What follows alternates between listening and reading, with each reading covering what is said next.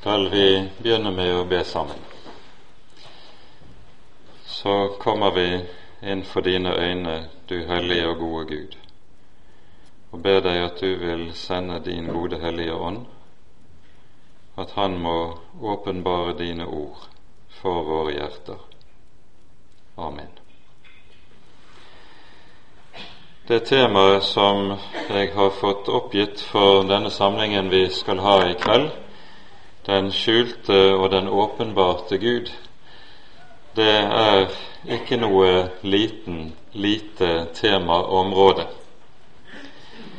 Og uh, går man til uh, teologihistorien, så vil man se at dette har, uh, er et temaområde som har gitt grunnlag for produksjon av ganske mange sider med klok og til dels også uklok teologi.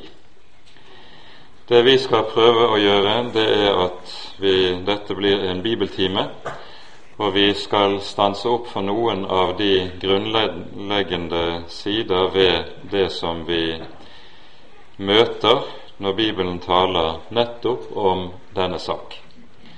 For Den hellige Skrift taler både om den Gud som skjuler seg, og den Gud som åpenbarer seg. Vi møter ikke minst dette i et meget sentralt ord av Jesus i Matteusevangeliet, i det ellevte kapittel, der Jesus er kommet til et, noe av et vannskille i sitt virke i Galilea. Folket er begynt å vende ham ryggen anført av sine religiøse ledere. Og så sier Jesus ved denne anledning, Jeg priser deg, Fader, himmelens og jordens skaper, fordi du har skjult dette for de vise og forstandige, og åpenbart det for de umyndige. Ja, Fader, fordi således skjedde det som var velbehagelig for deg. Og i dette så henleder Jesus oss hen imot det faktum at Gud selv er en Gud som gjør begge disse to ting. Han både åpenbarer seg og skjuler seg. Der det er slik at det ene er uttrykk for Guds dom. Når Gud skjuler seg, så ligger det i det en Guds domsgjerning. Og motsatt, når Han åpenbarer seg, så ligger det i dette en Guds nådes gjerning. Samtidig må vi også få lov til å peke på at vi med denne tematikken også møter et annet viktig ord i Den hellige skrift. I 5. Eh, Moseboks 29. kapittel, det siste verset her, så hører vi noe som jeg tror vi må si er et prinsipputsagn i Skriften når det gjelder akkurat det vi taler om. Her sies følgende det skjulte hører Herren vår Gud til, men det åpenbarte er for oss og for våre barn til evig tid, for at vi skal holde alle ordene i denne lov. Med dette henleder Skriften oppmerksomheten på det faktum at det er en god del ting som Herren ikke har åpenbart for oss som den menneskelige fornuft og forstand nok kunne ønske seg svar på, men som Bibelen slett ikke gir svar på. I møte med det at det er saker som Gud slett ikke har gitt svar på eller åpenbart for oss, så ønsker den menneskelige fornuft da å spekulere. Og spekulasjonen kan lede mennesker i de mest både fantasifulle og ikke minst ville retninger.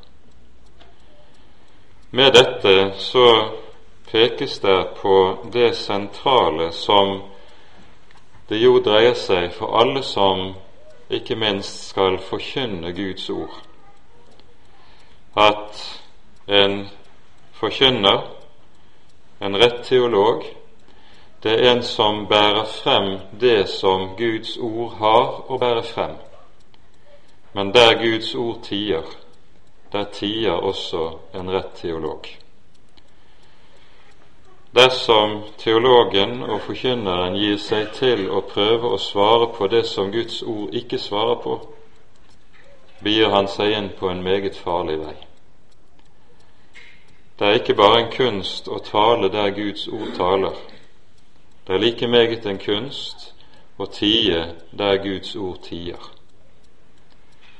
Også her er det tale om det skjulte og det åpenbarte i Gud. Noe av det som gjør at både den menneskelige fornuft og Bibelen taler så meget om dette at Gud også er en Gud som skjuler seg for oss. Det henger sammen på grunnleggende vis med det som er åpenbaringshistoriens grunnvilkår. Åpenbaringshistorien, slik Bibelen lærer oss dette, den utspinner seg mellom to hovedpunkter. For det første, den begynner i forbindelse med syndefallsberetningen, der vi i Første Moseboks tredje kapittel hører om hvorledes Herren taler til Adam og sier:" Fordi du gjorde dette, skal jorden være forbannet for din skyld. Og så kommer døden inn i verden, og med alt det som døden, forbannelsen, lidelsen, smerten, sorgen, nøden, alt det som kjennetegner livet i vår verden, det kommer inn som det ene ytterpunkt i åpenbaringshistorien. Og så det annet ytterpunkt, åpenbaringsbokens 21. kapittel, der det lyder jeg så en ny himmel og en ny jord. Og så sies det i den sammenheng døden skal ikke være mer, heller ikke sorg, heller ikke skrik, eller smerte. For Gud gjør alle ting nye. Det er mellom disse to punkter åpenbaringen utspinner seg. Det er inn i denne verden, under synd, død og lidelse, at Gud trer frem for oss, åpenbarer seg for oss, vil tale til oss og kaller oss til seg. I denne verden skjuler han seg, i denne verden åpenbarer han seg. Og fordi dette er den situasjonen vi lever i, så har det Bibelen har å si om åpenbaringen, en helt særegen karakter, som det er avgjørende for oss som kristne også å være klar over og få øye på. Og vi skal se på noe av dette som har med åpenbaringens egenart å gjøre. Men la oss allerede i utgangspunktet også kanskje få lov til å si at med det vi her har pekt på, så skjønner vi at denne problematikken når vi taler om den skjulte og den åpenbarte Gud. Det henger også sammen med noe av det vi skal høre om i morgen på et av seminarene, det som har med lidelsens problem å gjøre. Jeg skal ikke gå Torgeir i, i næringen med å si veldig mye om akkurat den problematikken. men bare ganske kort peke på en hovedsak her. For vi hører jo ikke så rent sjelden i møte med nød, ondt og lidelse i vår verden at mennesker lar følgende lyde hvordan kan det finnes en kjærlig Gud, en allmektig og kjærlig Gud, når verden ser ut som den gjør? Med drap, ondskap, lidelse og elendighet. Til det svarer har Bibelen meget å si, men her skal vi bare peke på én hovedsak. Vi får ikke øye på Guds kjærlighet dersom vi ikke vender blikket der Gud har åpenbart sin kjærlighet. Den allmektige har nemlig åpenbart sin kjærlighet på ett bestemt punkt i historien og på én bestemt måte på Golgata. Gud viser oss sin kjærlighet derved at Hans Sønn døde for våre synder mens vi enda var skrøpelige. Gud, Guds kjærlighet er åpenbart i det at Han gir seg selv i sin Sønn. Der ser vi Guds kjærlighet. Ønsker menneskene å finne Guds kjærlighet andre steder, så vil de lete forgjeves. Det er på Golgata, i Kristi selvhengivelse, at Guds nåde og Guds kjærlighet er åpenbart for oss. Men dermed så er vi også midt inne i noe av det som er det karakteristiske ved Bibelens tale om åpenbaringen. For hvem av de som sto og så på korset på Golgata, forsto hva som skjedde der? Hvem forsto det? Alt de kunne se med sine ytre øyne, var en fattig tømmermannssønn som hadde hatt noen år som suksessrik predikant, men som nå har møtt sitt endelige nederlag. Spikret til et kors, naken mellom himmel og jord, dør han i smerte. Hvem ser her at dette er Gud? Hvem ser her at her overvinnes synden, døden, at her ligger begynnelsen til den nye skapning. Hvem ser det? Ingen av de som sto på Golgata og iakttok dette, kunne med sine ytre øyne se det. Det var skjult. Skjult for det ytre øyne. Og Dermed blir det klart for oss at åpenbaringen, når Herren trer frem for oss, åpenbarer seg for oss, så gjør han det på en måte der han også samtidig skjuler seg. Og det er dette som gjerne kalles for korsets teologi, slik Skriften også viser hen imot det. I Johannesevangeliet er dette fremstilt på en helt særegen måte. Der tales det gjentatte ganger, som dere alle vil huske og vite, om Jesu herlighet. Og Jesus taler om hvorledes han nettopp i forbindelse med sin død på korset herliggjøres. Jesus herliggjøres ikke bare, kanskje ikke engang først og fremst, når han reises opp fra de døde, og når han farer opp til Faderen for å sette seg ved hans høyre hånd. Nei, han herliggjøres det han korsfestes. Og Derfor bruker Jesus også gjentatte ganger uttrykket i Johannesevangeliet om sitt kors, at han sier at han opphøyes fra jorden. Når jeg opphøyes fra jorden, sier han, skal jeg dra alle til meg. Like som Moses opphøyet slangen i ørkenen, således skal menneskesønnen opphøyes,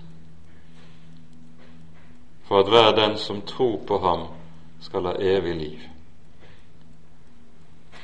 Og så er det noen som får øye på, får se at bakom lidelsen på korset, bakom nederlaget, bakom døden og vanæren, der er Guds herlighet gjemt. Og Derfor innledes Johannesevangeliet slik Vi så Hans herlighet. En herlighet som den en enbåren sønn har fra sin far, full av nåde og sannhet. De så Hans herlighet der han hang på korset. De så at her ble alle mine synder lagt i grav, ikke med sine ytre øyne. Og så ser vi at åpenbaringens karakter har dette med seg, at den skjer under korset. Gud skjuler seg på samme måte samtidig som han åpenbarer seg. Og dette er noe som også kjennetegner alt det som har med den åpenbaring som heter evangeliet, å gjøre. Når Jesaja ser frem imot korset, så sier han om ham han hadde ingen skikkelse og ingen herlighet. Foraktet var han og forlatt av mennesker, en mann velkjent med sykdom. Og vi aktet ham for intet men der er Gud. For Gud har valgt å åpenbare seg på den måte at han så å si åpenbarer det største gjennom det minste, åpenbarer seg gjennom sin tilsynelatende motsetning. Hans allmakt når han knuser død og helvete, synd og fortapelse ser ut som avmakt i menneskets øyne.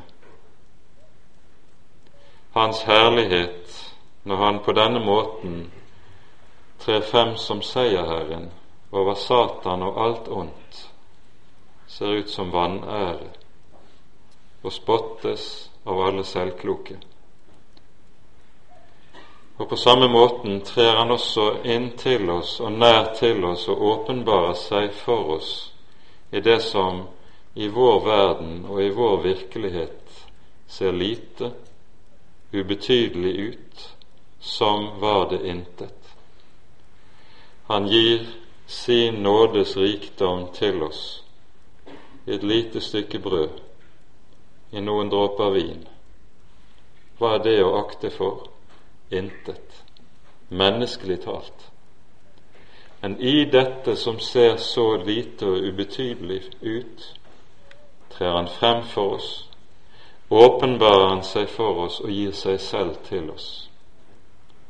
Noen øser vann i en døpefont, samme sak. Hva er det å regne for? Men disse øser vann, de åpner himlenes rike for en synder de gir evig liv ut av en som ligger i døden og fortapelsen. Dette er Guds vis. Og Luther sier om dette her at slik åpenbarer Gud seg for at det skal bli plass for troen. Vi vandrer i tro ikke i beskuelse. For tro er overbevisning om det som ikke sees. Det er saken. Åpenbaringens karakter har altså dette med seg, som vi her har vært inne på. Gud både åpenbarer seg og skjuler seg på én og samme tid.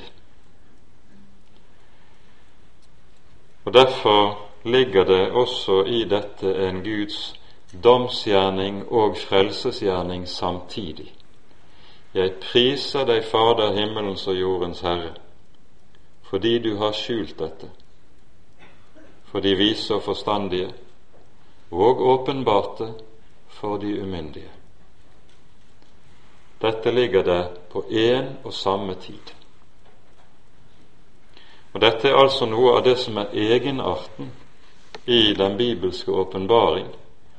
Og vi forstår overhodet ikke Den hellige Skrift hvis vi ikke er oppmerksom på denne sak.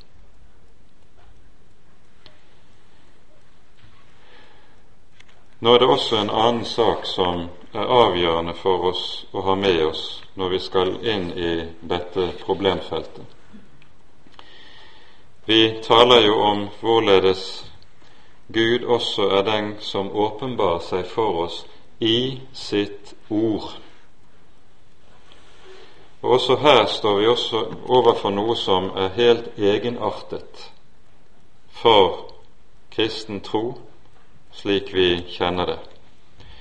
Og Her skal vi kanskje få peke på det vi leser i Femte Moseboks fjerde kapittel, der vi hører Moses gjenta og minne folket om hva som skjedde da Herren ga dem sin lov ved Sinai berg. Vi hører jo om lovgivningen i 2. Moseboks 19. og 20. kapittel. Og der hører vi også det tankevekkende ordet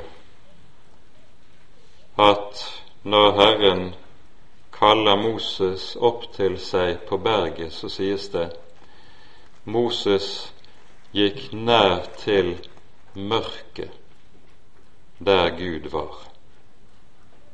Et underlig uttrykk. Vi ville gjerne tenkt som så at det skulle stått at Gud, Moses gikk nær til lyset der Gud var, men det står det ikke. Han gikk nær til mørket der Gud var. Og Dette henger sammen med nettopp åpenbaringens egenart. I Jesaja 4. kapittel så sies det over alt herlig er det et dekke.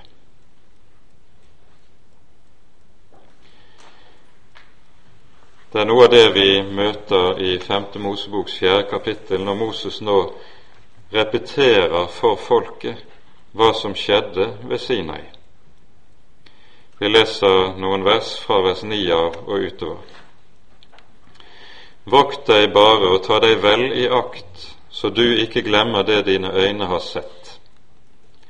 La det ikke gå deg av minne alle ditt livs dager, men gjør det kjent for dine barn og barnebarn, det som skjedde den dagen da du sto for Herrens, din Guds åsyn ved Horeb, da Herren sa til meg, Kall folket sammen for meg, for at jeg kan la dem høre mine ord, så de kan lære å frykte meg alle de dager de lever på jorden, og også lære sine barn dem. Da kom dere nær til og sto nedenfor fjellet mens fjellet sto i lys lue like til himmelen. Det var mørke og skyer og skodde. Og Herren talte til dere midt ut av ilden. Dere hørte lyden av ordene, men noen skikkelse så dere ikke. Dere hørte bare røsten. Og han forkynte dere sin pakt, han som han bød dere å holde, de ti ord og han skrev dem på to steintavler.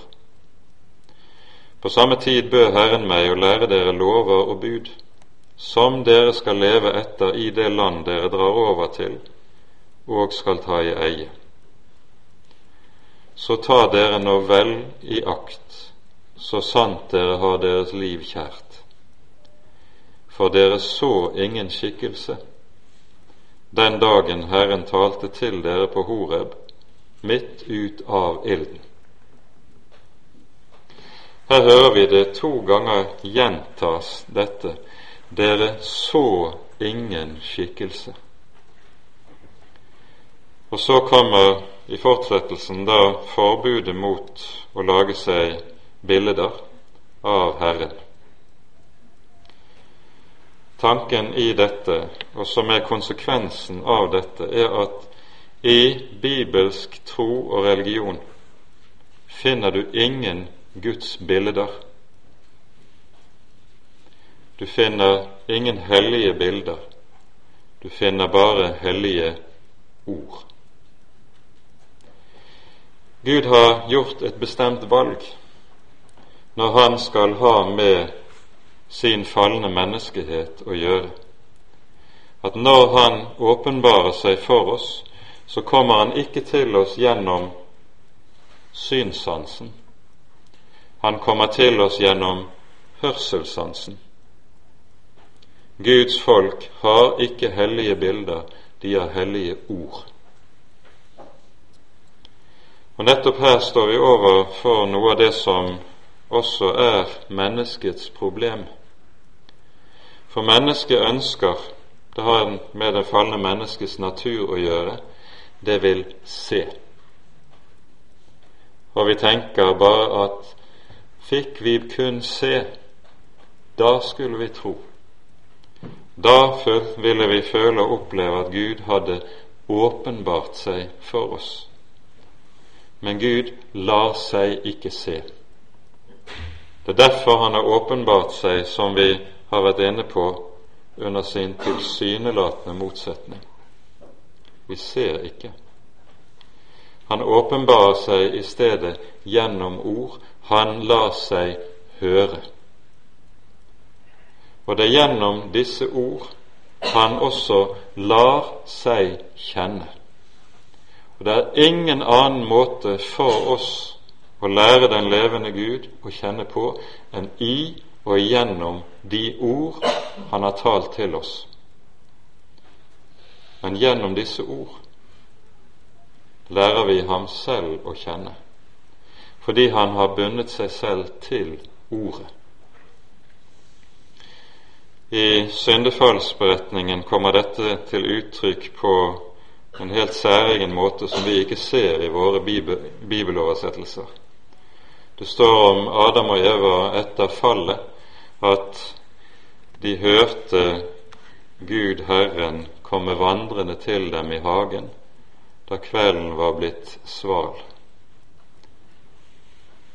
Det som bokstavelig står i grunnteksten der, det er at de hørte en røst komme vandrende i hagen.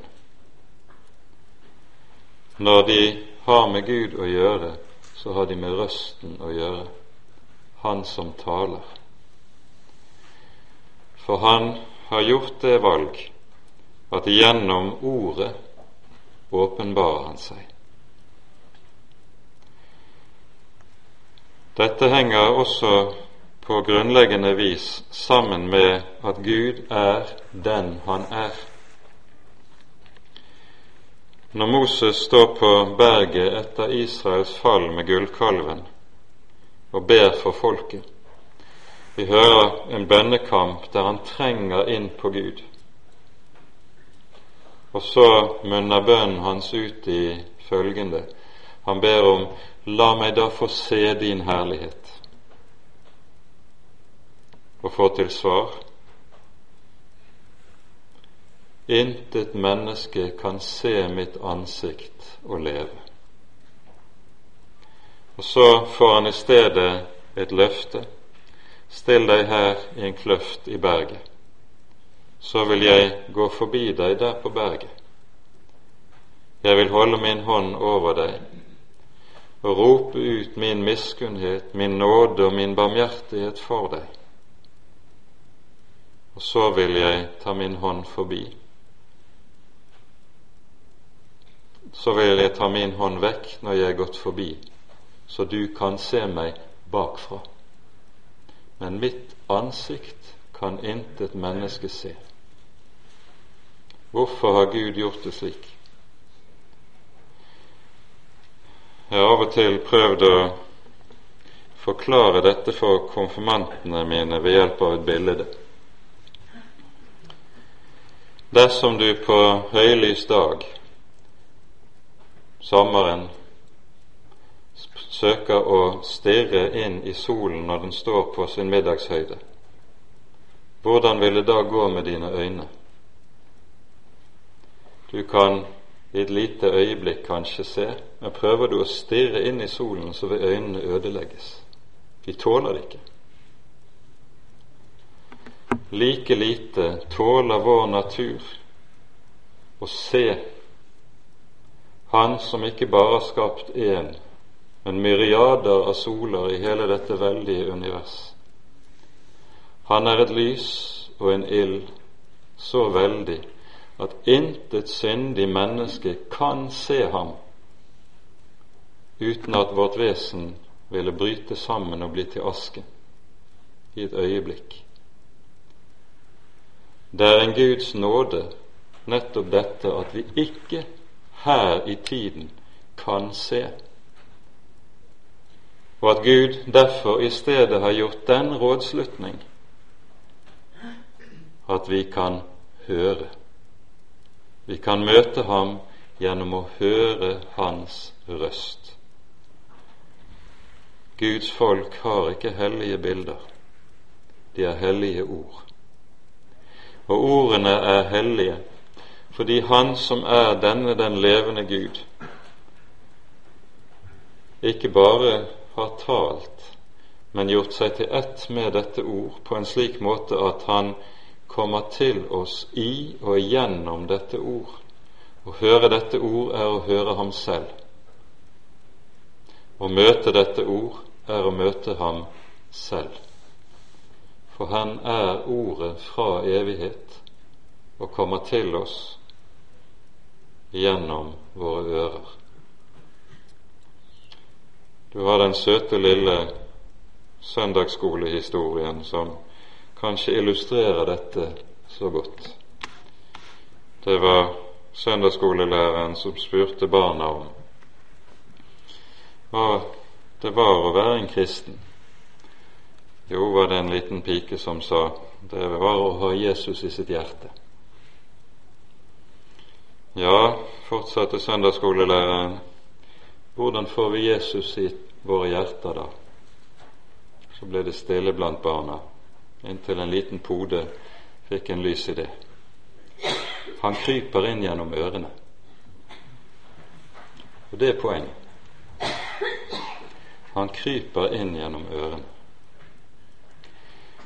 For i og med at den levende Gud har bundet seg slik til dette ord, så er det også gjennom dette ord han utfører sin gjerning i oss og med oss. Det skal vi tale mer om i morgen, så vi lar det bli her foreløpig. Men det er bare ved at dette ord får lov til å stå der, uantastet av oss, at det også får lov til å gjøre sin gjerning. Dette ordet er et ord som nettopp må åpenbares. Vi hører Paulus understreke i eh, Galaterbrevet følgende Jeg kunngjør dere brødre at det evangelium som er forkynt av meg, ikke er menneskeverk. Ikke er menneskeverk. Og I Korinterbrevets annet kapittel så sier han om evangeliet at det er hva intet øre har hørt, intet øye har sett, og hva som ikke er oppkommet i noe menneskes hjerte. Hvorfor er det slik? På ny, det henger sammen med hva som er menneskets vesen og natur etter fallet. Mennesket er i og med fallet blitt Gud så totalt fremmed at det gis ingen guddomsgnist i våre hjerter som gjør at vi ut fra oss selv, ut fra eget intellekt, egen streben, egen følelse, kan finne eller erkjenne Gud. Han er en som må komme til oss utenifra. Og Derfor er det også slik at profeten Jesaja sier som han gjør det, når han taler om omvendelsen. Mine veier, sier Herren, er ikke deres veier, og mine tanker er ikke deres tanker. Som himmelen er høyere enn jorden, således er mine tanker høyere enn deres tanker. Mennesket kan ut fra seg selv aldri, aldri erkjenne Gud eller finne Gud. Han må komme til oss utenfra. Og han kommer til oss utenfra ene og alene ved sine ord. Han har bundet seg selv og åpenbaringen av seg selv til dette ord.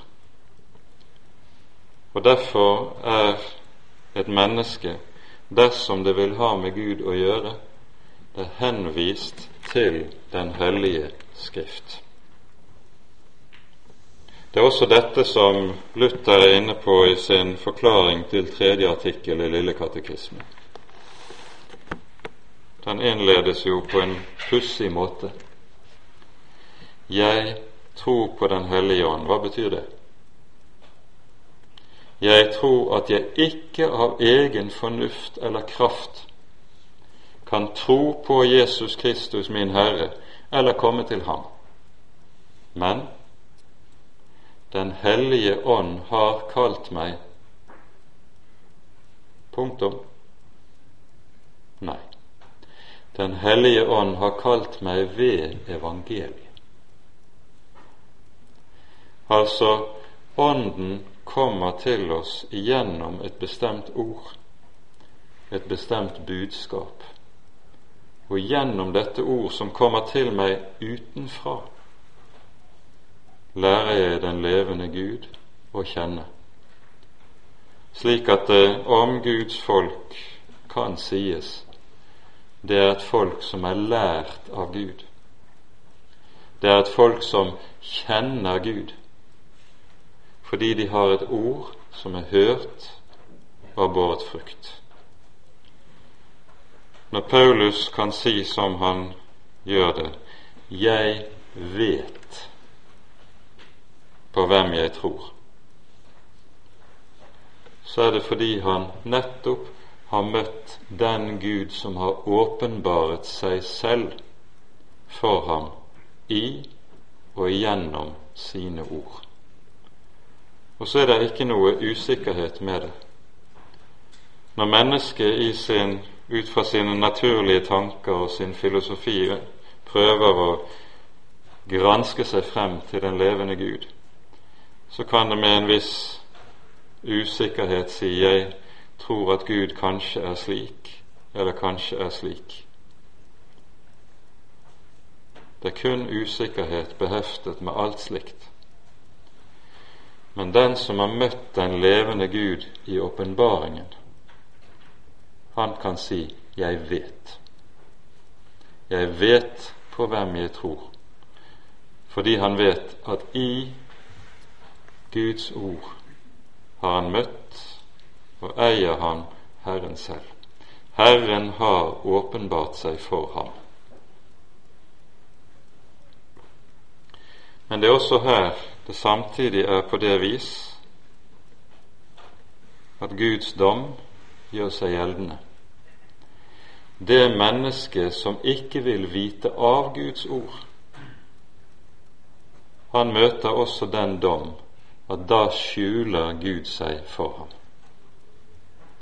Og dette at Gud slik skjuler seg for et menneske, det er et uttrykk for det Bibelen kaller Guds vrede. For Gud er også en Gud som skjuler seg. Vi skal, og det har vi ikke tid til, vi skal ikke komme inn på en side ved denne problematikken som Bibelen også taler meget om, nemlig det som kalles anfektelse. Ikke minst i Salmenes bok så hører vi gjentatte ganger ropet lyde Hvor lenge, Gud, vil du glemme meg? Hvor lenge vil du skjule ditt åsyn for meg evinnelig? Salme 13 hører vi David tale slik. Og Et lignende rop møter vi i en rekke andre sammenhenger òg. Dette er anfektelsens rop. Vi rekker ikke å fordype oss meget i det, men henleder bare oppmerksomheten på at her er også en viktig side ved Bibelens tale om hvorledes Gud også kan oppleves som skjult for et troende menneske i dyp nød og i fortvilelse. Men viktigst i det som vi har allerede har vært inne på, er dette at når Gud skjuler seg, så ligger det i dette en domsgjerning. Vi hører gjentatte ganger både i salmene og hos profetene dette at når Herren skjuler sitt ansikt for sitt folk, eller for enkeltmennesker, så er det på grunn av at de har forkastet Hans ord og går sine egne veier i stedet for å la seg lede ved hånden av Han som er Herre, på Hans veier. Deres misgjerninger har skjult Herren for deres øyne, lyder det. Til sist skal vi kanskje også få henlede oppmerksomheten på en sak som jeg tror er helt avgjørende også i det vi er inne på i aften. I synagogens morgenbønn så er det et vers i Jesaja-bokens 45. kapittel som lyder som en fast del av morgenbønnen. Og Det er et underlig ord, fordi eh, dette lyder nettopp i et folk som kanskje har lidd mer enn noe annet folk i historien. I Jesaja 45,7 står det følgende Herren sier det er jeg som er lysets opphav og mørkets skaper, som gir lykken og skaper ulykken. Jeg, Herren, gjør alt dette. Og I synagogens morgenbønn så lyder dette i følgende form.: Velsignet være du, Herre, vår Gud, himmelens og jordens konge, som er lysets opphav og mørkets skaper, som gir lykken og skaper ulykken. Jeg, Herren, gjør alt dette. Altså Gud lovprises som den som gjør begge disse gjerninger. Han er den som døder og gjør levende, fører ned i dødsriket og opp derifra. Mennesket er i fallets tid og under syndefallets kår slik at det tenker at når Gud gir lykken, da har Han åpenbart seg, da har Han svart meg. Men når Han skaper ulykken, da er det ikke Han som er på ferde. Da spør man med en gang hvor er Gud? Vi burde øve oss i å tenke som Bibelen tenker. Vår Gud er en Gud som både døder og gjør levende. For slik er det i denne vår verden. Og vi skulle ikke spørre hvor er Herren når Han utfører sin dødende gjerning. For det er også Guds gjerning. Og så lyder det litt lenger ute i det samme kapittelet hos Jesaja følgende Sannelig, du er en Gud som skjuler seg. Du Israels Gud, du frelser. Legg merke til dette, at den levende Gud som den frelsende Gud samtidig sies å være den som skjuler seg. Vi står overfor et paradoks som vi med dette ikke kan få til å gå opp med vår forstand, men som vi kanskje ser en eller aner en flik av hemmeligheten i når vi leser også følgende vers fra samme kapittel. Jeg vil gi deg rikdommer i mørket, skatter som er skjult på mørke steder underlige ord. Men her kommer også erfaringen inn i et troende menneskes liv, som vet noe om at hadde jeg ikke vært i nettopp det mørket som jeg har vært igjennom, så hadde jeg heller ikke sett det lys som jeg har fått lov til å se. Og så skriver altså Herrens profet, som vi hører det. Jeg er Herren, lyder det gjennom Han. Jeg er Herren, og det er ingen annen. Uten meg er det ingen Gud. Jeg bandt belte om deg enda du ikke kjente meg, for at de både i øst og i vest skal vite at det er ingen uten meg. Jeg er Herren, og det er ingen annen. Det er jeg som er lysets opphav og mørkets skaper, som gir lykken og skaper ulykken. Jeg, Herren, gjør alt dette. Og så munner det ut i ordene som står på teppet her bak oss. La meg dra omsorg for mine barn, sier Herren. Hvordan kommer Hans omsorg til uttrykk? Nettopp som den som døder og gjør levende, som skjuler seg når han frelser. Og så kan vi stå der og ofte synes at vår Guds veier forstår vi ikke så helt lett. Men Gud er Gud, og du og jeg er støv. Og så må vi lære oss å bøye oss for at Han er den Han er. Han er ikke den vi skulle ønske han var ofte, med vår skrøpelige forstand. Ja, Skriften sier at Guds navn er 'Jeg er den jeg er'. Og så er han suveren. Han skjuler seg, og han åpenbarer seg. Og så skal vi takke og love ham for at han er slik. Amen. Kan vi kanskje synge til slutt etter dette Lær meg å kjenne dine veier.